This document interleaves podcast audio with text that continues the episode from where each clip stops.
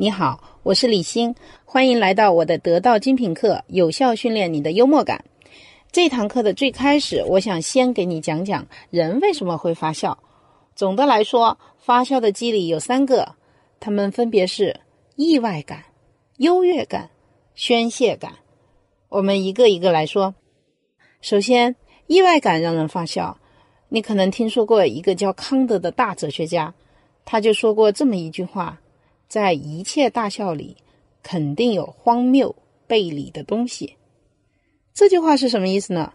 就是说，因为笑话中的逻辑跟我们平时认知的逻辑不一致，存在矛盾，所以幽默就产生了。我来举个例子：脱口秀演员黄西在表演的时候说过这样一句话：“上帝让我成为了无神论者。”在这句话中。上帝和无神论者是一对经典的矛盾。我再举个例子，我最讨厌两种人，一种是地域歧视的人，一种是北京人。相信你一定反应过来了，讨厌北京人本身就是地域歧视，所以这个表达存在着明显的逻辑矛盾，这是我们产生笑声的根源。说完了意外感，我们再来说说发笑的第二个机理，也就是优越感。在这里，我又要引用一位哲学家的话了。有个哲学家叫托马斯·霍布斯，他说过：“笑是发现事物的弱点，突然想到自己的某种优越感时，那种突然的荣耀感。”这听起来很绕哈，其实他的意思是，每次当你看到有人尴尬或者被羞辱的时候，你会在对比之下产生一种优胜心理。比方说。你在路上看到有人踩到了香蕉皮，摔了个四脚朝天，你可能会忍不住发笑。这种情况呢，就属于优越感。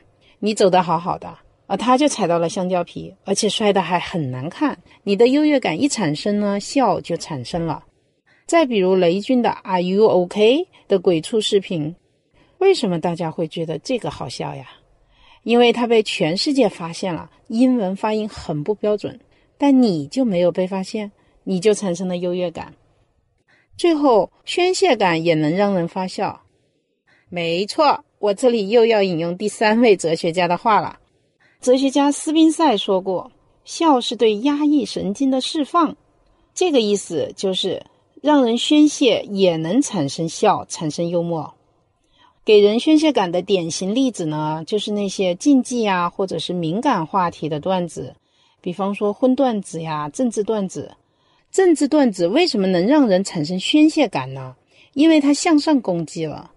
向上攻击 （target up） 指的是你要吐槽身份地位比自己优越、比自己高的人。你看，全世界的段子手都特别喜欢吐槽川普，为什么呢？因为他又有钱，又是美国总统。我再用一个例子来解释。为什么宣泄感能产生笑？我家楼下新开了一个拉面馆，拉面一上肉片特别薄，我就叫老板关门。老板问：“嗯？”我说：“再不关门，这些肉片就被风吹跑了。”在刚才这个段子里，老板关门，这是一个异常信号，一句很不客气的话。这个信号会令人一惊，感到紧张。你听到会想。哎呀，可能顾客要和店家发生冲突了，可是后面一解释，原来是虚惊一场。你想达到最后的宣泄和释放，你就要先营造一种紧张感，后面再解除。前面你冒犯的越过分，后面解除的时候就越爽。好了，了解到笑是怎么产生的，我们再来讲讲幽默是什么。可能这个时候你会想。幽默不就是让人发笑吗？这么说没错，但是你想想，能让人发笑的东西很多。如果你仅仅是为了让人发笑而让人发笑，那其实不能叫做真正的幽默。打个比方，你在生活中是不是会遇到这种人？他会给你讲很多网上的段子和笑话，可是你并不会觉得这个人幽默，可能还有点烦，对不对？所以，就算你变成了一个笑话集锦，别人也不会觉得你幽默。那么，幽默是什么呢？如果让我对幽默做一个定义的话，我会说，幽默是从一个有趣的视角来讲述真相和痛苦。这个定义里面有三个元素：第一，有趣的视角。幽默是一种 POV（Point of View），也就是世界观的意思。也就是说，你要站在一个独特的视角去观察这个世界，这个视角得跟正常的视角有偏差。这个偏差的角度造成了新奇感、意外感和幽默感。你可能知道《乡村爱情故事》这部电视剧里面有这么一个桥段：护士问赵四：“你在找什么呢？”赵四说：“请问厕所在哪个科？”这是赵四这个人物的 P.O.V。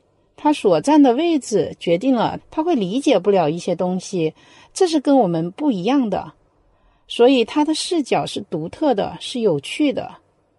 说完了有趣的视角，我们来说说幽默的第二个元素，就是真相和痛苦。幽默是关于真相和痛苦的表达。正常说话，大家会说自己喜欢什么，擅长什么，但是幽默呢？你要告诉别人你痛恨什么，你不擅长什么，你搞砸了什么。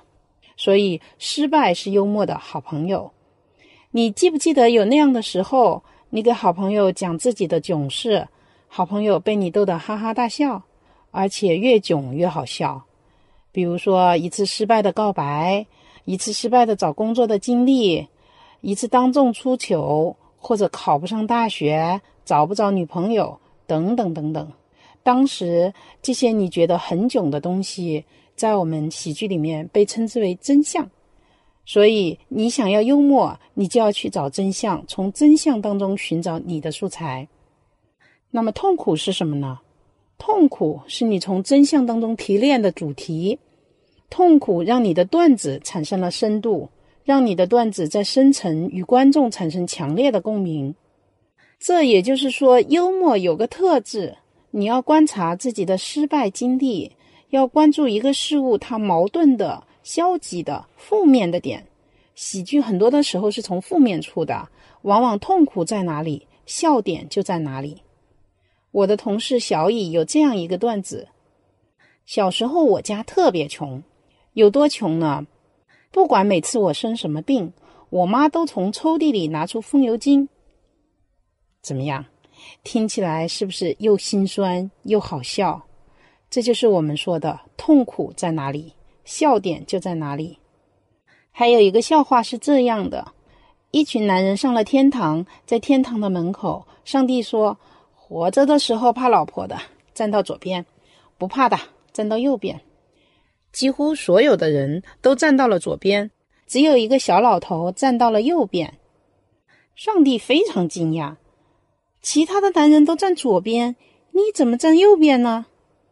老头说：“人多的地方不要去，我老婆交代过我。”在这个例子中，真相是男人有时候会怕老婆，痛苦是这种恐惧对于一部分人来说终身挥之不去，上了天堂还要听老婆的。当然了，并不是只有生老病死。这些东西才会有真相和痛苦。有时候生活当中的小真相和小痛苦也是可以表达的，只要大家能够产生普遍的共鸣就可以。真相和痛苦其实无时不在，只要你能意识到这一点，就可以随时调动你的幽默感。比方说，在我们的一些日常情境里面，有一个故事是这样的：老板在新年大餐前跟全体员工开了一个冗长的会。副总上来做总结陈词，他意识到大家都做了很久了，也都很期待接下来的大餐。他是这样开头的：“我知道大家都做了很久，也很着急去吃新年大餐，所以我尽量简短。谢谢大家，我们出发吧！”大家哄堂大笑。所以。有的时候，你不用非得讲个笑话才能赢得笑声，审时度势，你简单的点出这个情境当中的真相就可以。最后，我们来说一说幽默的第三个元素，这就是幽默往往是原创的，它是你即兴应对这个世界的一种表达方式。你通过你的幽默告诉这个世界你的看法。好的段子不光是让人觉得好玩，同时也能让人了解你，建立起一种对话感。所以我建议不要讲别人的段子，幽默最好是真实的、原创的，能够反映你的个性的。说到这里，你就明白了为什么幽默不是笑话，不是讲别人的笑话，它比讲笑话要有智慧和有力量的多。好了，我们总结一下。这一讲我们说了发笑的三个来源：意外感、优越感和宣泄感。所有让你感到好笑的事物，都是因为给你带来了这三类感受中的一个或者多个。而幽默呢，是从一个有趣的视角来讲述真相和痛苦，是一种智慧而且有力量的自我表达方式。好，这一讲我想给你留个作业。分享一个自己的囧事或者一次失败经历，看看是不是好笑。欢迎你在留言区跟我和其他用户互动。下一讲我会为你讲段子的基本公式。我们下一讲见。